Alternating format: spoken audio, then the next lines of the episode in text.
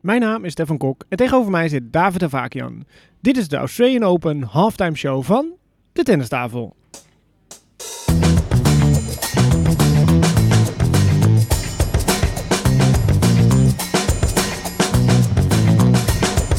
Please take your seats quickly, ladies and gentlemen. Thank you.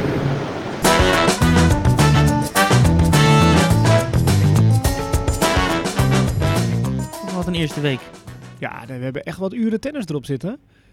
Ik heb genoten, jij? Zeker, zeker. Iemand die hebt hem er ook over van, eh zullen we het even over de Australian Open hebben? Even? Even. Nou, volgens mij is het heel interessant verlopen, de eerste week. Ja, absoluut. We staan nu eh, aan de vooravond van de kwartfinales. We nemen het op op maandag. Weet je wat het is? Ochtend, middag of Nee. avond? Jij weet het niet. Nee, Nee hè? Jij bent helemaal van de Van- kaart. van de kaart.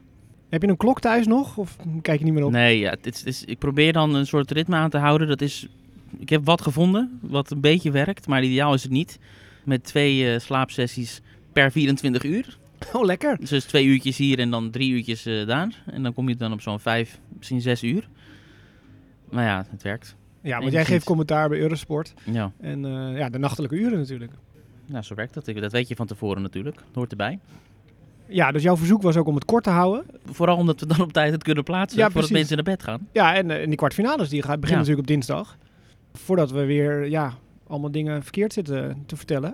Ja, onze voorspellingen zijn natuurlijk zo lang waardevol. Hè, dat het eigenlijk niet uitmaakt wanneer we het plaatsen. Nee, dat is waar. De houdbaarheidsdatum is het Ja. einde van de Oceaan Open. Ja. Als Sabalenka en Djokovic met die beker staan. ja, ja. Nou, ik weet het niet. Het is niet helemaal goed gegaan volgens mij met onze voorspellingen. Maar daar komen we denk ik zo meteen op. Of wil je er meteen eh, Nee, ik naar het pijnlijke behandelen? Je was zo overtuigd van die Chinese dame. Ja, Guinjen Zheng. ja. De ja tweede komt ronde. wel. Dat komt wel. Bernardo Pera. Ja, ik kan even afverliezen. Ja? en Benjic? Ja, ja. ik heb Bencic commentaar eh, gegeven. Ik heb Sabalenka commentaar gegeven. En, en, en Swiatek ook. Dus ik heb al die grote namen echt wel eh, heel erg goed eh, bekeken. Pegula ook gezien. Maar Bencic speelde echt heel goed. Maar Sabalenka maakte van alle spelers die ik gezien heb wel de meeste indruk. Ja, Dus gefeliciteerd. ja dankjewel. Ja, goed, goed gezien natuurlijk. Ik zag het al heel lang. Eh, nee, maar goed, we Geen gaan... gaan- momentopname van je, nee dit. Nee, nee.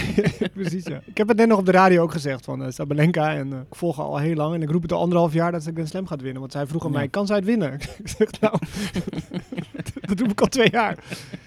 Eh, nou, we gaan niet al onze fouten hier op tafel leggen over alles wat, wat we goed hebben gedaan. Daar gaat het helemaal niet om. Het gaat erom de acht speelsters en spelers die overgebleven zijn in het schema. Bij de vrouwen even blijven. Oké. Nou ja, wie er dan niet is, dat is misschien eigenlijk wel pijnlijk. Swantek.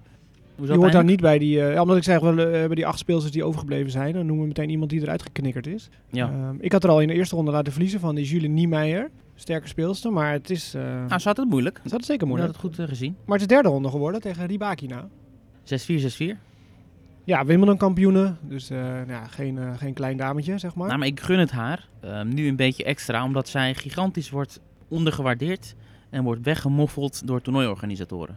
Waar ze ook speelt. Hoezo? Ze wordt altijd op hele kleine banen weggezet, alsof zij geen Wimbledon heeft gewonnen. Zij heeft ook enorme pech gehad met dat COVID, omdat zij toen echt on the rise was. COVID slaat toe. Het was echt een kwestie van tijd. Over een week of twee staat Rybakina in de top 10. Een paar jaar verder en ze staat er nog steeds niet. Ze heeft Wimbledon gewonnen, krijgt ze geen punten voor. Dus alles wat pech kan zijn, Mhm. dat heeft ze gehad. Mhm. En ze wordt altijd dus weggezet op, op rare banen. Waar ze zelf ook gewoon van heeft gezegd van ja, ik, ik snap het eigenlijk ook niet zo goed. En dan wordt ze nu even de eerste keer tegen Swiatek op die eh, grote baan gezet. En meteen eh, laat ze even zien hoe het zit. Ja, ze is 22e geplaatst. Maar heeft ze dan te weinig uitstraling? Heeft ze dan te weinig star power om in die Nou grote ja, banen te vullen? is gewoon een Wimbledon kampioen. Dat moet gewoon een no-brainer zijn. Die is er maar één. Ja, dat is waar. nou ja, ze neemt het op tegen Jelena Ostapenko. De hardhitter. Dat vind ik ook leuk. Nou, ze zijn trouwens allebei hardhitters. Ze slaan sowieso hard. Of nou het hek in gaat of binnen de lijnen, dat weet je niet van tevoren. Nou, ik denk dat Rybakina wel iets genuanceerder is dan Ostapenko in het spel. Maar als hij die smaak te pakken heeft, de voormalige Roland Garros kampioenen, dan heb je gewoon een probleem, dames en heren. En dat is wel grappig, want heel veel spelers, van Nadal tot Auger Aliassime, iedereen die zat te klagen over de ballen en dat het zo moeilijk is om weg te slaan. En er was een rally van 70 slagen, hè, dit toernooi, bij de mannen. En ja, dat werd ook dan zeg maar gezegd van ja, dat kan alleen maar, Andy Murray die zei dat van, dat kan alleen maar omdat die ballen zo zijn. Mm. Die rallies zijn zo ontzettend lang. En dan zie je Ostapenko, die zegt wat een moeite met winnen slaan. Nou, dat kent ze helemaal niet. Het maakt niet uit of het nou een, een steen is, een bal is, eh, het lukt er. En Coco Gauff werd gewoon eh, ja, kansloos gelaten. Inderdaad, sets overwinning. Ehm, dat is eigenlijk wel een, de mooiste overwinning van haar. Want als je naar de route kijkt daarvoor, wat, ja, Bondar, Beendel, zie je nog, Jastremska. Dus dat zijn niet de moeilijkste tegenstanders. Maar van Golf, ik had Golf verder verwacht. Dus wat mij betreft dan een verrassing.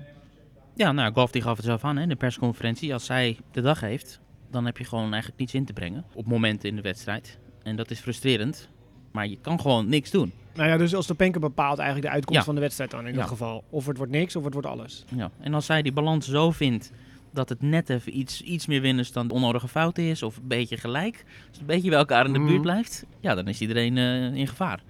Ja, zo won ze ook Roland Garros, hè? Ja. Gewoon alles hakken als het En ware. Het viel goed. Alles bekken langs de lijn, alles viel goed toen. En als de service een beetje stabiel Ja. is, waar het nog wel eens aan wil schorten dat ze die tweede service een beetje eh, kwijt is.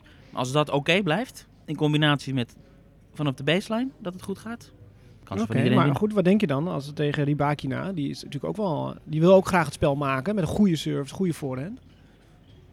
Wie het eerste het Ja, initiatief 50-50. heeft? Ja. Ja. Vorm van de dag, echt in dit geval. Ja, wie er net iets zuiverder is. Ja. Maar Swiatek eh, ging natuurlijk het toernooi in als de grote favoriete. En ze gaf aan dat ze dat wel voelde. Hè?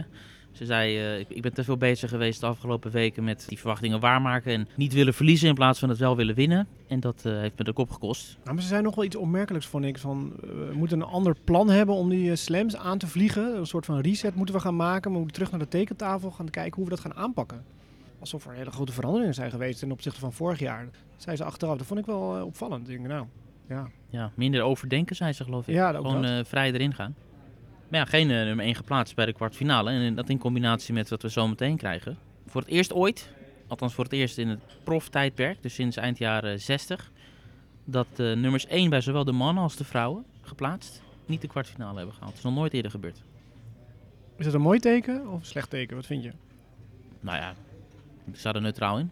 Voor het toernooi is het misschien ook wel weer mooi als het zo'n breed veld is, zeg maar. Nou ja, goed, ik denk dat voor de kaartverkoop het lekker is dat Nadal er nog in zit. Ja.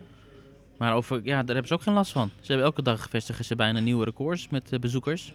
Kijk, het slam is natuurlijk groter dan, eh dan één Dat is eigenlijk wel, bij de slams is dat zeker zo. Ja. Eh, bij de andere toernooien is dat toch maar de vraag. Maar bij de Grand Slams, dat vult altijd wel. ja, precies. Jessica Pegula, nummer drie. Nou, heeft een goed toernooi tot nu toe. Nou, goed toernooi. Nog geen set verloren. Dan doe je het goed. Ja, maar ook echt gewoon eh, geen kansen gelaten. Krejcikova, een setje nog, misschien 7-5. Kwam redelijk in de buurt. Er zat Eh. 18 breekpunten bij Google in die wedstrijd. dat is een hoop. Ja, zeker. Ja, wat maakte haar? Ze zegt zelf, ze is los. eh, ze gaat ervoor. En ja, Nul spanning. precies ja. ja. Eh, gewoon, het lukt, het gaat lekker. En eh, laten we kijken hoe, eh, waar het schip strandt. Totale controle. Maar dat wordt wel een potje om te, naar uit te kijken, die kwartfinale. Want ik heb dit toernooi echt genoten van Azarenka. Goed Azarenka. Zeker ja. Jeugdig nog en zo. En een vechtlust. En tactisch slim. En ja, komt wel achter twee keer. Hè. Verliest de eerste set. Zowel tegen Kies als tegen die Chinese Zhu. Die ik ook heel goed vond spelen. Krachtige speelster. Werd ook een hele late partij. Hè. Was eh, midden de nacht. Na ja, tweeën. Ja, ja. ja, ja. Half drie of zo. Pas afgelopen. Ja, en, en vechten. Echt goed tennis. Absoluut, absoluut. Maar Azarenka die dus tien jaar nadat ze de titel won, hè, tien jaar is er al verstreken sinds dat ze daar eh, won in Ja. Melbourne. Kindrijker. Kindrijker en nog steeds, hè, tot op de dag van vandaag, de laatste speelster die de titel heeft kunnen verdedigen daar. Zo in 2012 en 2013. Sindsdien is het elk jaar iemand anders geweest. Ja, klopt. Ja. ja. Maar ze staat er nog. Ze is 33 en ik vond maar 33. Voor mijn gevoel leven we wel veel langer met Azarenka. Dat ze meer in de 36, 37 sfeer zat al. Ja, misschien wel. Omdat er natuurlijk een tijd uit is geweest Ja. met het kind. En daarna met die scheiding. Of het is die voogdijzaak. Dat ze het land niet uit mocht. Want dan is het natuurlijk allemaal moeilijk. Dus een soort van tweede of derde tennisleven. Maar ze blijft gaan. Ja. je, af en toe is ze er gewoon even niet, een tijdje. Maar dan duikt ze weer op. Ze had nog een eh, US Open finale, twee jaar terug. Wat ze verloor Ja. van eh, Osaka. Hartstikke fit. Ziet er heel fit uit. Ja. En dat eh, is ook duidelijk te zien. Want ze, ze mist haar rokje. Ja. Dus Ja. Volgens mij speelt het gewoon in een onderbroek. maar ja. Nou, ik deed haar eerste wedstrijd. En toen begon ze met een rokje. kwam ze 3-0 achter. Heeft ze het rokje uitgedaan en is nooit teruggekeerd. Oké, dat is een soort van bijgeloof. nou, mooie kwartfinale daar. Rybakina, Ostapenko en eh, Pegula, Azarenka. Misschien niet qua plaatsing wat je had verwacht. Ja, maar wel qua Serieuze toernooi. spelers. Precies, als je het toernooi bekijkt. eh, terecht dat ze daar staan. Ze zijn allemaal in vorm. Ik zie daar drie Grand Slam kampioenen. En Pegula. Ja, inderdaad, ja. Zou dan Pegula de boven komen drijven straks in die finale als, eh ja, het zou als niet kunnen. Ja. slam kampioen? Ja, die kan gewoon het toernooi winnen hoor. Sluit het echt niet uit. Nee, ik wel. Dat sluit ik wel uit. Ja? Ja. Oké. Oh ja, natuurlijk. ja, ja, ja. Laten we maar snel eh, die kant op gaan dan. Voordat we daar zijn, komen we eerst nog even Pliskova tegen. We noemden haar vorige week al van, ja, wat, wat kunnen we Dan nou in moeten we ermee. Ja. wat moeten we ermee? We kunnen van haar verwachten. Ja. Nou, dit. Ja, ook nog geen set verloren. Super overtuigend. Ja, je weet wat je krijgt. Een vlakke service, een vlakke backhand en een vlakke voorhand. Maar die vallen nu wel even binnen. Ja, precies. Ja, een indrukwekkend tennis gewoon. Dat je is ook zo'n type dat de racket uit je handen kan nemen. Met die fantastische opslag die ze heeft. Maar niet echt grote verrassing als je kijkt tegen wie ze moest aantreden. Nee, maar ja, het is wel de manier waarop ze het doet. En zij is ook een spelmaker, zeg maar. Want het is niet een groot loopwonder. Nee, maar hoeft ze nu ook niet te Dat doen. hoeft er ook niet. Want Nee. zolang ze het initiatief houdt. Dat initiatief denk ik dat ze wel gaat houden tegen Magda Linet. Nou ja, dat dachten heel veel tegenstanders van Magdalene net ook, denk ik. Zoals een Garcia. Nou ja, Ja. dan moet je wel voor huis komen om het initiatief over te nemen. Ja, want alle ogen natuurlijk gericht op Swiatek eh, vanuit de Pools eh, bezien. Maar ja, Linet staat daar. Gewoon een allround speelster. Ja, allround goed. Ja, maar niet echt iets wat er bovenuit steekt. Nee, vind ik ook niet. Nou ja, wint van eh, Garcia, wint van Alexandrova. Kontaveit. Allemaal is een geplaatste aardige, spelers, eh, ja. dat is een aardige cv opgebouwd zo. Waarom dan niet van Pliskova? Ik zie het zomaar gebeuren hoor. Als ze die rallies lang kan houden. Dus veel halen, veel terug, de fout afdwingen. Dit is echt een wedstrijd waar ik geen eh, voorspelling ga maken. hoor. Nee, zeker niet. Ik had er heel graag Garcia willen zien staan. Ik zag er al die eerste ronde spelen en dan zag ik al weer retourneren, joh. En dan ook op de belangrijke momenten, die tiebreak op 6-6, stap ze gewoon in de baseline, hoppatee, return winner. Maar het mocht niet zo eh, zijn, dus Linet Mm. tegen Pliskova, kwartfinale. Ja, dat had niemand ingevuld, denk ik. Daar hoeven we ons niet schuldig over te voelen dat we dat niet hadden aanzien komen. Nee, inderdaad, ja. Dan, ja, Sabalenka Bencic in die vierde ronde, mooie vierde ronde. Fantastisch. Gewonnen door eh Sabalenka. Ik denk, ja, het Bencic natuurlijk in die finale. Ik had die wedstrijd eh, gecallt met Oké. eh, dan winnaar Ja. Ja.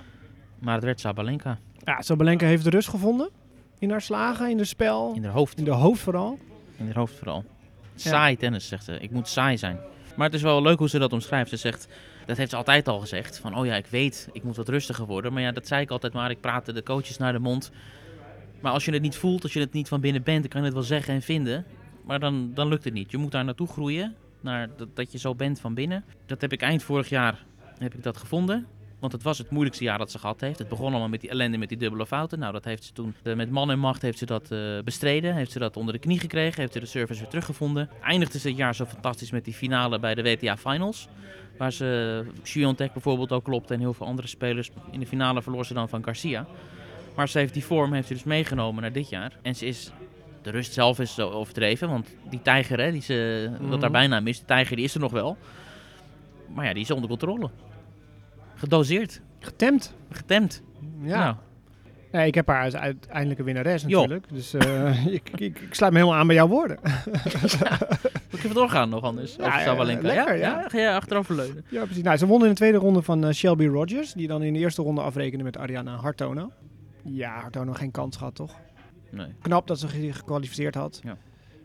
Dat ze voor het tweede jaar op rij. Ze zei ook, ik hoor hier thuis. Ik heb een bevestiging voor mezelf gekregen dat ik hier thuis hoor. Dus dat is algemeen maar fijn. Dan neemt ze mee dat vertrouwen in de rest van het seizoen. Een hoop centjes verdient. Dus die rust zeg maar daarin, wat dat betreft. Maar eh, ja, geen kans. eh 6-4, 6-3 tegen Shelby Rogers. Die uiteindelijk dan ook weer afgaat met 6-3, 6-1 tegen Sabalenka. Nee, ik had die wedstrijd voor commentaar. Sabalenka, Rogers. En ik merkte aan alles bij Rogers. Dat hij dacht, ik ga weer even lekker stunten vandaag. Nou ja. Weet je, die houding had ze ook. En dat begon ook wel oké. Ze brak aan het begin. Maar op een gegeven moment toen eh, Sabalenka eh, begon te spelen. Mm. Indrukwekkend. Nou ja, dat zal ze nodig hebben, dat indrukwekkende spel, denk ik, om Donna Vekic op de stij te zetten. Is een taaie. Nou ja, ik heb dus gisteren die, ook die wedstrijd voor haar gedaan. Tegen Fruvirtova. En ze begon weergaloos. Maar die tweede set was ze helemaal van het pad af. En ik vraag me af of dat tegen iemand als Sabalenka, of ze daarmee wegkomt. Want ze speelde dus tegen Linda Fruvirtova, dat is een 17-jarige meisje, dat is de vierde ronde haalde hè, bij haar debuut op de Australian Open. En bij Vlagen was ze echt de weg kwijt en was Fruvirtova de betere. En was Vekic weer ouderwets die ballen alle kanten op aan het slaan.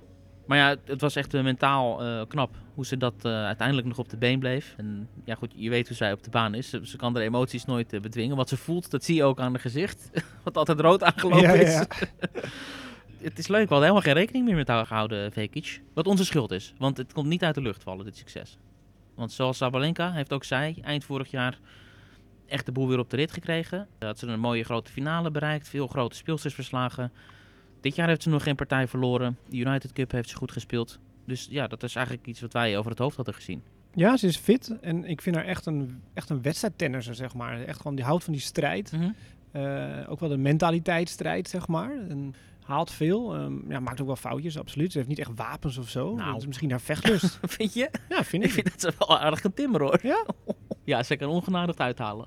Ja, maar dat kunnen ze allemaal tegenwoordig. Ja. Maar niet per se van, oh, je moet die voorhand vermijden of zo. Of, of die service is zo dominant. Nou, als ze goed speelt moet je alles vermijden. Ja, oké. precies. Precies. Dat is wat anders. Ja, ik was wel onder de indruk. Op de momenten dat ze goed speelde, vond ik wel echt, eh, echt sterk. En, het is misschien wel een leuk moment om daarop eh, in te haken. Er zijn natuurlijk wat spelers, hebben we verteld, die eh, hun kledingsponsor kwijt zijn geraakt. En dan vind ik het toch wel leuk als die spelers die, die net dan die, die sponsor kwijt zijn, het goed doen. En er zijn wat voorbeelden. we Ja, hebben ja. het zo meteen over André Rublev, die goed staat te spelen. Is iemand die nu de Ja. eigen kledinglijn heeft. Dus dan vind ik het wel een soort van eh, lange neus naar eh, de oude sponsor. Dat ze dan, Dat zie je wel. Hè? Ja, ja. zie je wel, kan het wel. ja. Maar goed. Moet Sabalenka, Vekic. Ja, nou ja, mijn eh finalist is natuurlijk Sabalenka en Pegula. Eh, dus ik lig eh, op koers wat dat betreft voor de helft. Maar eh, hoe zit het bij jou? Eh, wat bedoel je? Nou ja, je was heilig overtuigd dat, dat we een verrassende Chinese winnares zouden krijgen. Nee, nee, nee, Bentje had ik. Oh, Benji finalist. zat winnen. Oké, had finalist. Maar waar, waar, waar is ze gekomen? De Gwyn Wen Sen? Tot waar is ze gereikt, David? Tot de tweede ronde. ja, Bernarda Pera, hè? Kan lelijk uit de hoek komen. nee, dat komt wel. Dat komt wel. Ja, nee, het, is ook begnadigd talent. Hij staat ook eh, geplaatst al en zo. Dus was het helemaal niet gek. Die had Nee. er ook ver laten komen. Ja. Dus onthoud nog steeds die naam. Mhm. Ondanks... Oh, daar eh, blijf ik de mensen wel aan herinneren hoor. dat wordt jouw Ja, Sabalenka. Ja, Blijf het zeggen. Ja, precies. ik was erbij. Hoe zie je het nu? Met de overgebleven speelsters? nou, ik zou het hilarisch vinden als Ostapenko gewoon ineens zo'n Grand Slam wint. Echt hilarisch. En dan het hele jaar niks meer? Ja, boeien. Ja. Ook over eigen kleding gesproken. Och, jeetje mine. Dat is duidelijk te zien. Ja, die moet nog wat lessen nemen, denk Ja, ik. eh, Bij, uh, bij het borduren. Ja. ja, het is een soort keuze van ga je voor de, voor de degelijkheid van een soort Pegula of een Pliskova, die gewoon eh droog er doorheen denderen. Of meer van het grillige van zo'n Ostapenko of Rybakina, die als ze goed spelen eigenlijk niet te pakken zijn. Ervaring van Azarenka. Of ga je dan toch voor Linet? Dat, ik denk dat hij het niet gaat winnen. Ik denk dat we, misschien moeten we het zo doen. Wie gaat er niet winnen? In ieder geval. Linet gaat niet winnen. Ik denk dat Vekic eh, het ook niet gaat redden. Oh shit, als Sabalenka zit onderin. Ja, daarom. Sabalenka wint het toernooi. Ik zie zomaar Azarenka daar staan. Een, een, een Sabalenka, eh, Azarenka finale. Ja, een hele wit-Russische finale. Dat is ook pijnlijk, maar Hoezo? ja, neutrale vlag en zo. Want die Ja. vlaggen was ook nog een ding, hè? Want je had in de eerste ronde had je een uh, Oekraïense eh, tegen een Russische. Er hing een Oekraïense vlag en er kwam een Russische vlag bij en zo. En dan werden alle vlaggen weer verwijderd. Dat mag allemaal niet. Statements. Vind je daarvan? Of alle vlaggen wel of alle vlaggen niet, zou ik Ja. zeggen. Oké, Azarenka Sabalenka zou een prachtige finale zijn. Ja, Met heel veel geluid. ja, ja, ja. nou, we gaan het meemaken. Dat is echt niet te zeggen allemaal. We hadden het vorige keer natuurlijk over de Breakpoint eh, Netflix-serie, waar, eh, waar je ook eh, nog in optreedt. Hoe is het met jouw eh, vloek? Van de Netflix-vloek? Heb je er last Het, van? het heeft mijn voorspellingen geen goed gedaan. Nee, ja, precies. Ja. Nee. Je kan vol in beeld, maar iedereen die er voor de rest ook in beeld is, die liggen er bijna allemaal uit. Nee, eh, iedereen. Nou, Badoza die verscheen al niet aan de start, uh, Ja. geblesseerd. Eh Jabeur, Tomljanovic was ook eh, vanaf het Oh, ja. begin. En Jabeur inderdaad. Sakari. Nou, gaat lekker. Ja, die mannen ook allemaal eruit. Kyrgios natuurlijk zich teruggetrokken. En nou, we gaan het zo meteen over Ja. de mannen hebben. De last Netflix man standing was eh, Felix Auger Aliassime. Die Oeh. heeft het ook niet gered. Nee, ja, Nee. Berrettini al vroeg. Berrettini al vroeg. Ruud. Dus ja, dat werd een heel eh, spel Alcaraz natuurlijk niet? al. Dat die mensen waren aan het, aan het afvinken Bingo, van wie eh. er allemaal... ja, een rode kruis aan het zetten op al die Netflix-acteurs. om het zo maar te zeggen. Oké. Dus nou, dan kunnen we het vrouwentoernooi afsluiten bij deze. En door naar de mannen. En dan komen we vanzelf bij al die gesneuvelde spelers.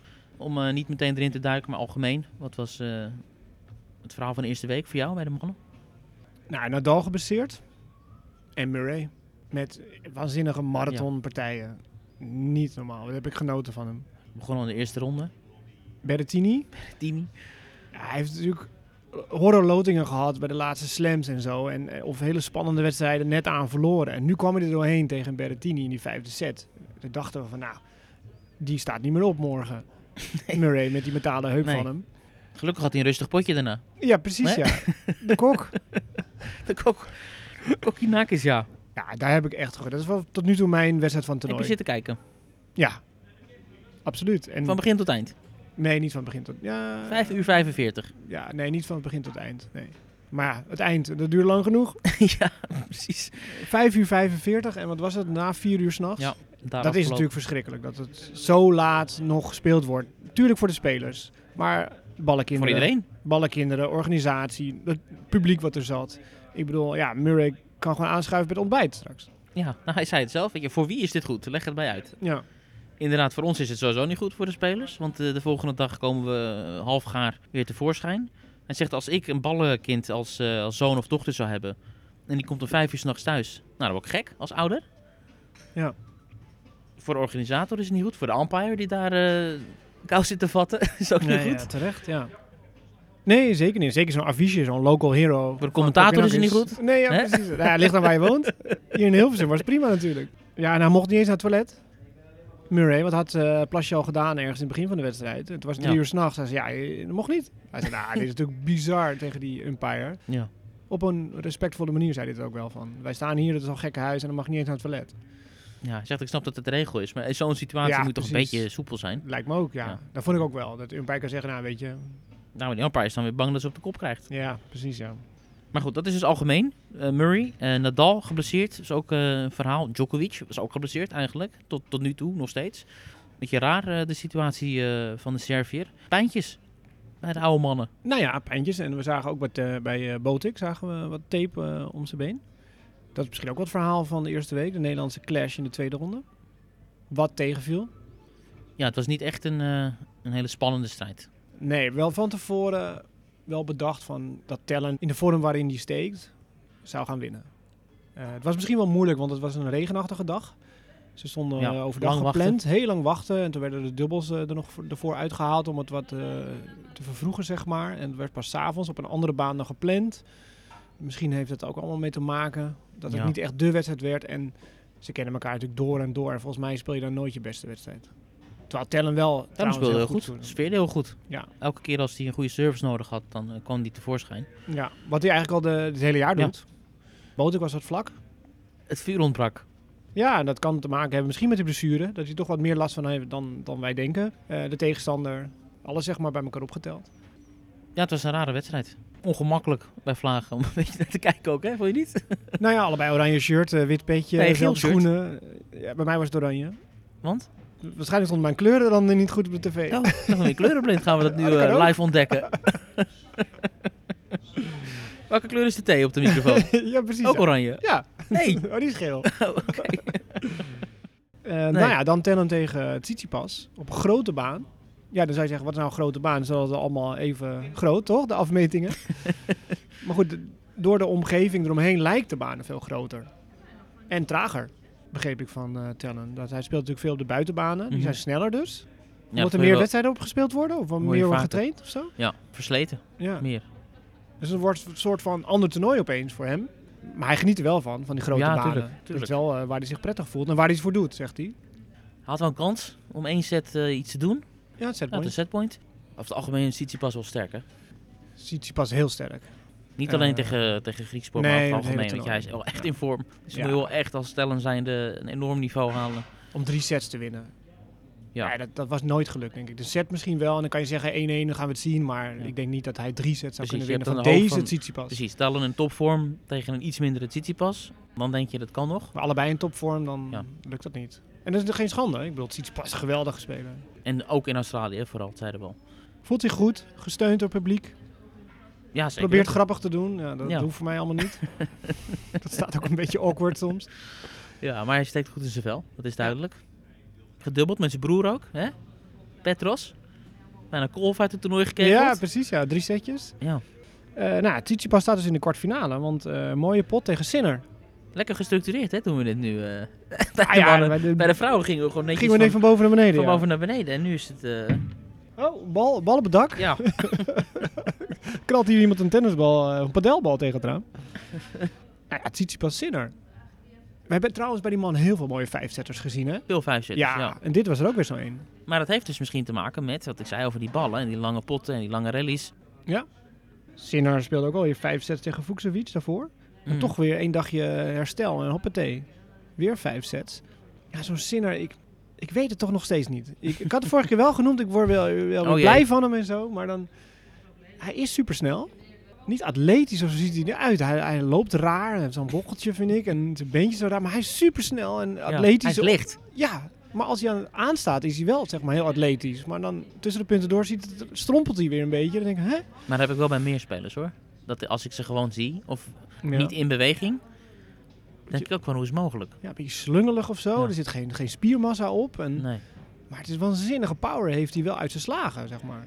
Maar het ligt eruit. Ja, dus daar hebben we het niet langer over. Want Nee. Tsitsipas gaat spelen tegen Lehechka. En dat is een fantastische speler. Daar hebben wij vorig jaar kennis mee gemaakt. In ABN. AMRO. Ja. Ja. Dat was eh, zijn doorbraak. Op de ATP Tour haalde hij helemaal als qualifier de halve finale. Won van Botek, won van Chapo, won van Musetti. Allemaal daar. Verloor uiteindelijk in drie sets van Tsitsipas. Dus die had echt een geweldige week eh, vorig jaar bij ABN. En die heeft de rest van het jaar gewoon echt gebruikt om te proeven van de Tour. Een beetje zoals de jongens ook eh Botek en Tellen hebben gedaan. Alleen hij is nog veel jonger, hij is 21 pas. En, en hij heeft al die ervaringen heeft hij, heeft hij meegenomen. En hij heeft gezien hoe het moet. Hoe de Tour in elkaar steekt, hoe je moet plannen, hoe je moet spelen. Hij heeft informatie ingewonnen, zegt hij ook, over, eh, over alle concurrenten. Eh, aan het einde van het jaar haalde hij de finale bij de Next Gen Finals. Hij van Brandon Nakashima. Dus hij heeft heel veel ervaring opgedaan in 2022 en zelfvertrouwen gekregen. En hij laat het meteen zien. Begin 2023. Want hij was echt gewoon veel beter dan Felix Auger-Aliassime ook in zijn vierde ronde partij. Stabiel van begin tot eind. En Aliassime die ging alle kanten op. Die werd een beetje op de been gehouden door zijn service. Maar die had een geweldige off-day.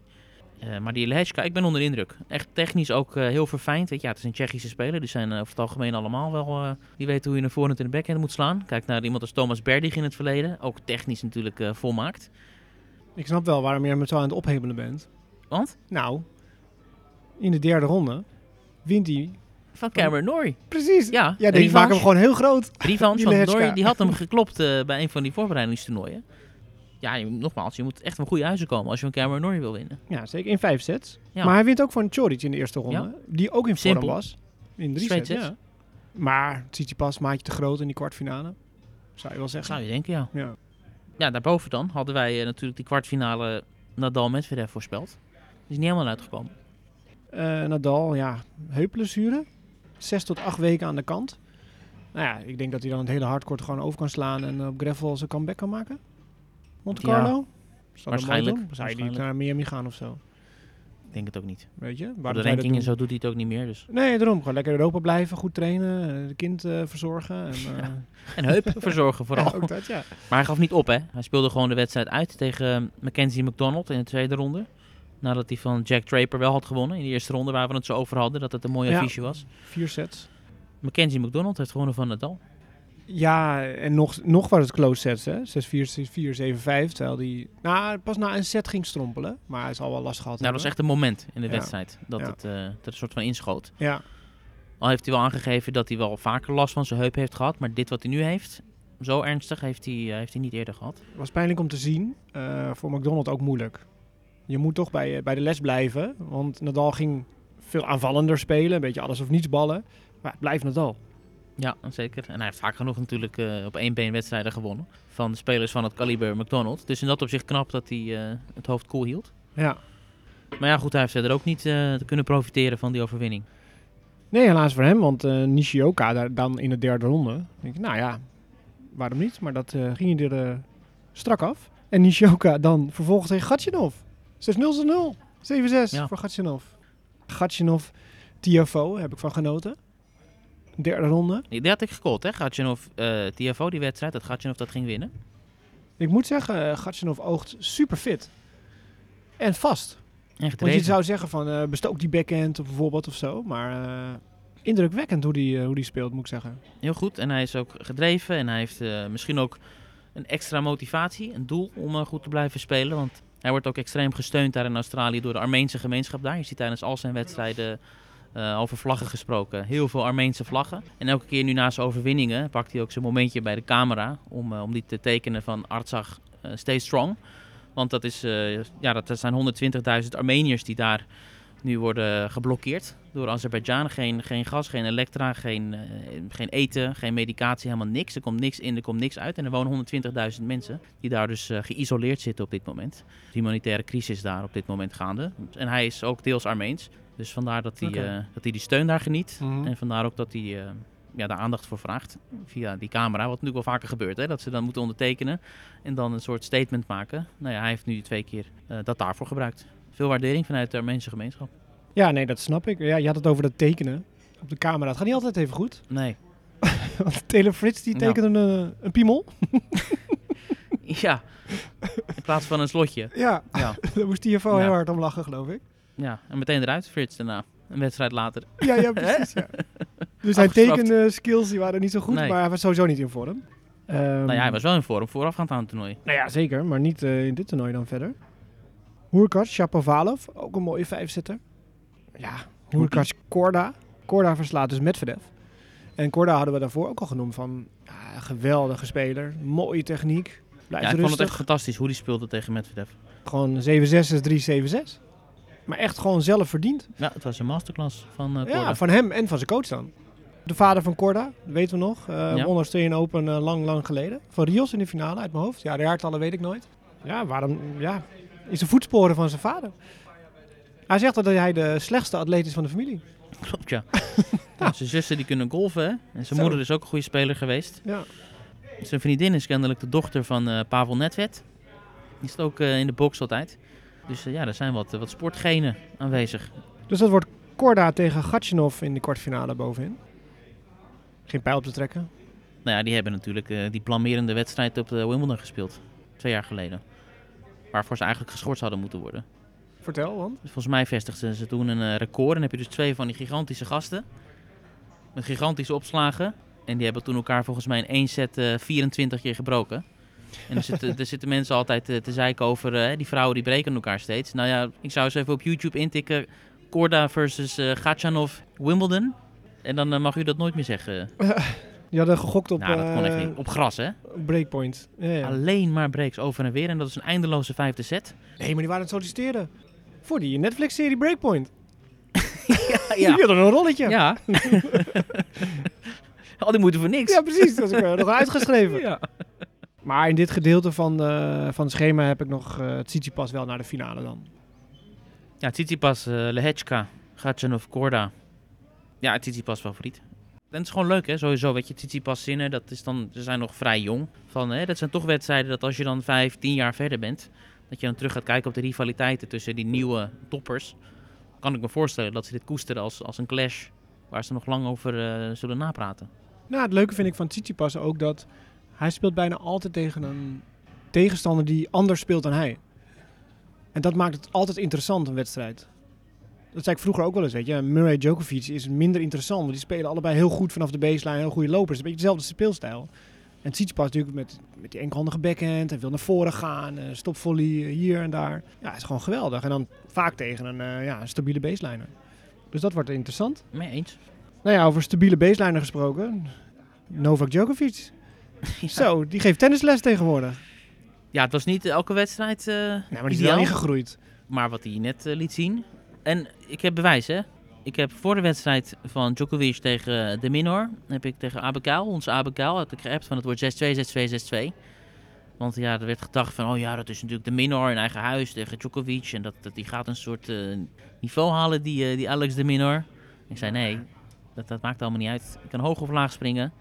Nee, die kan hem helemaal niet pijn doen. Het werd nog erger. Het werd 6-2, 6-1, 6-2 geloof ja. ik. Ja, het was puur in control, foutloos. Ja, die hamstring, iedereen Ja, heeft maar over die hamstring ingepakt. eh, maar hij had helemaal geen last meer, zei hij, na afloop. Dus dat is een goed teken. Eh, hij groeit echt in het toernooi. Nee, absoluut. Weet je, aan het begin had hij wel, hij kwam er vooruit, hè, dat het echt pijn doet en dat het, dat het moeilijk is. Hij heeft heel veel eh, medische timeouts ook nodig gehad. En aan allerlei apparaten hangt hij. Ja, hij slikt Ja. zelfs pilletjes. Nou, dat is voor hem een hele stap. Want hij houdt Ja. van de natuurlijke geneeskunde, zeg maar. Eucalyptusbomen knuffelen. Koala's. ja, ja, Ja, allemaal daar. eh Djokovic eh, ontmoet dan Rublev tegen Rune. Rublev. Ja. Wat een geweldige derde, eh, vijfde set was dat. Dat is toch een vrij spannend einde. Oh, maar ja, inderdaad. Ja, ja match tiebreak tot de 10. Ik, dat heeft het toch, hè? Dat is een goede oplossing, vind ik. Ja, is prima. Is Ja. goed uitgepakt, vind ik. Ja. En er waren al matchpoints daarvoor, hè? Voordat ze in die tiebreak belanden. En in die tiebreak was het gewoon 5-1. Twee voor Rune. Twee, eh, Twee voor Rune, daarvoor al, hè? servers van... eh, En het was in die tiebreak een 5-1 voor Rune. En toen 7-3 voor Rune. En toen werd die comeback ingezet van, eh van Ja. Rublev, die echt beter ging spelen. Maar dus eerlijk is eerlijk, ik vond dat hij dat eigenlijk wel iets, iets simpeler had moeten winnen. Gezien het niveau van Rune, hoor, af en toe. daar ben ik met je eens, maar, maar Rublev verliest normaal gesproken dit soort potjes.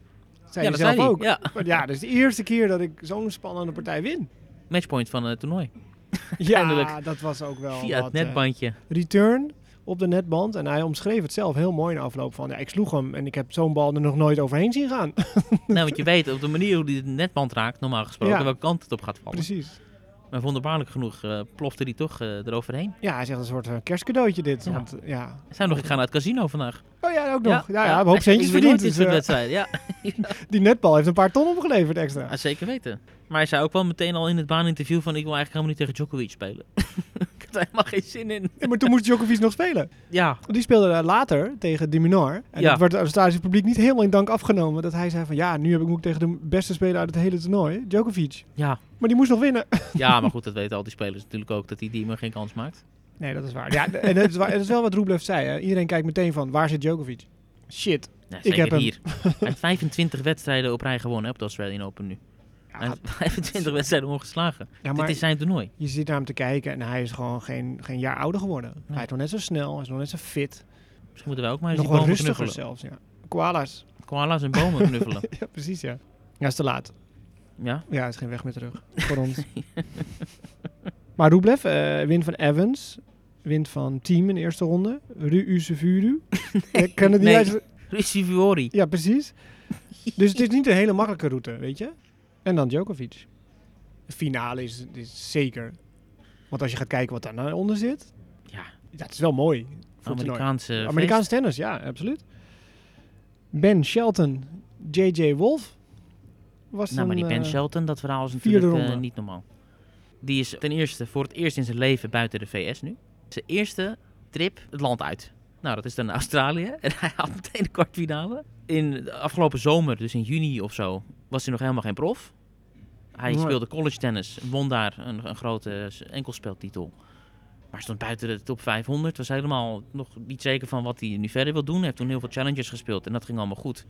En nu staat hij top 50. Ja, het is ongekend. Want ik, de allereerste keer dat ik hem zag was vorig jaar. Het speelde in Challenger tegen Tim van Rijthoven. Dus ik zat een livestream te kijken. En het was gewoon, weet je, zo'n halletje met één baantje met een paar bordjes aan de zijkant en twintig man op een Mm. klapstoel.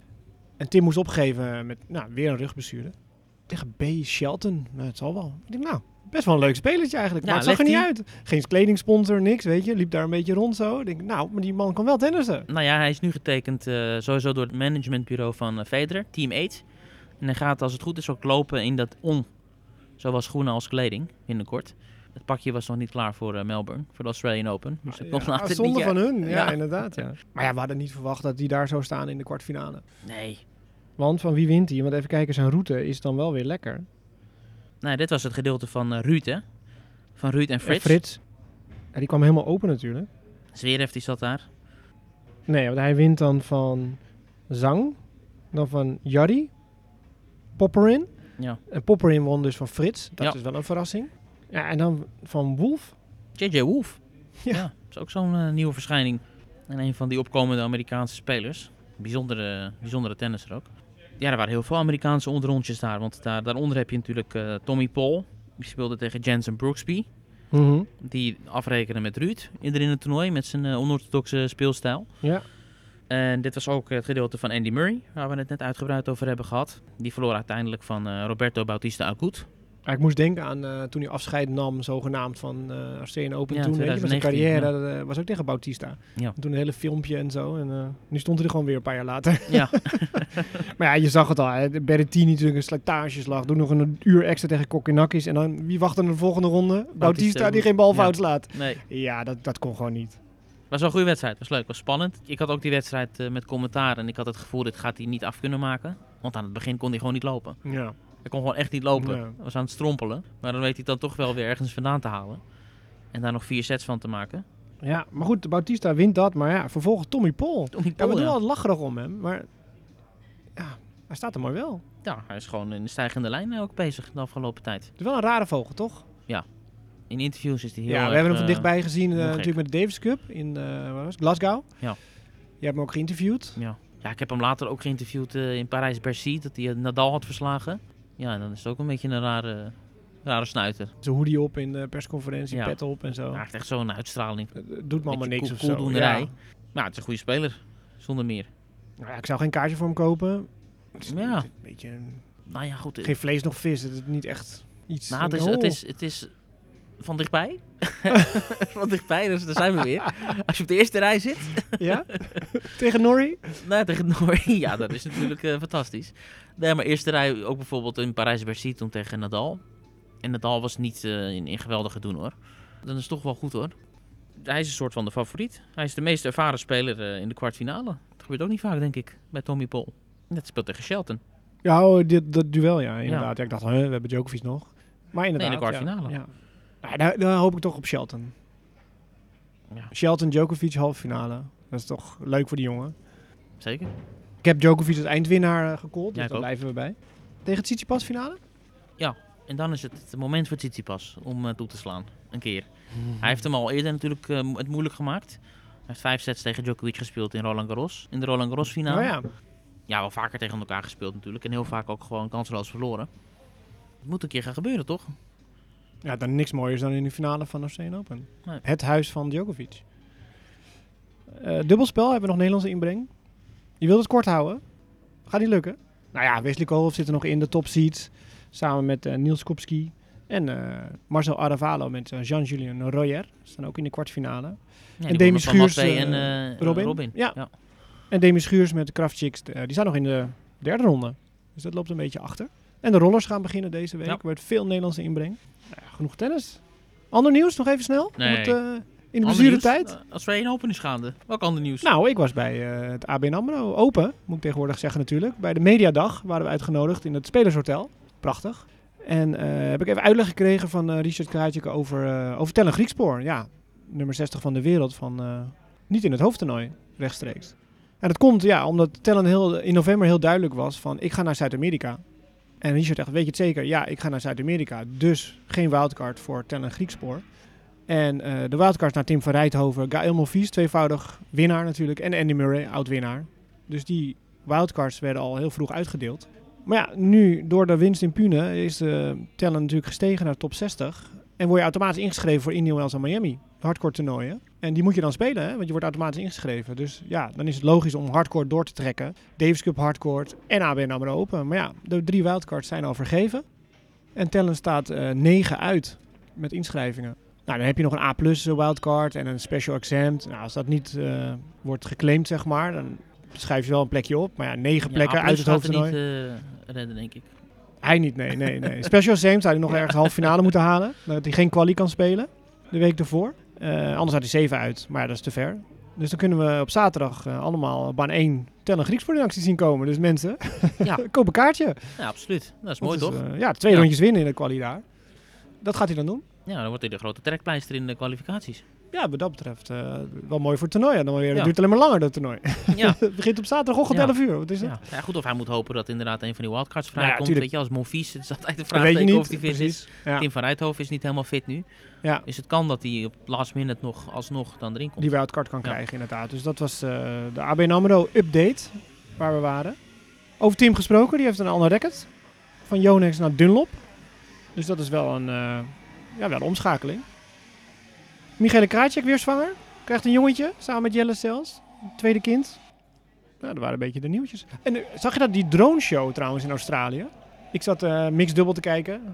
Ook. En er was nog een andere partij. Dus ik heb twee tv's, dus ik zat twee te kijken. En er kwam een hele mooie drone show eh, boven het stadion. Dat was vet, joh.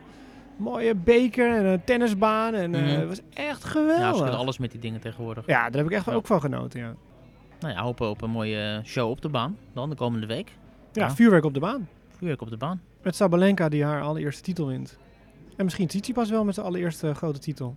Dan gaan onze voorspellingen wel mis. Althans, wat de mannen betreft, als Tsitsipas wint. Hè? Ja, nou, ik, ga, ik hou me vast aan Djokovic. Eigenlijk, ja, Zonder twijfel. Djokovic en eh, Sabalenka bij de vrouwen. We gaan het volgen. Zeker weten. Voor deze keer bedankt voor het luisteren. Veel plezier op C1 Open. En eh, tot volgende week.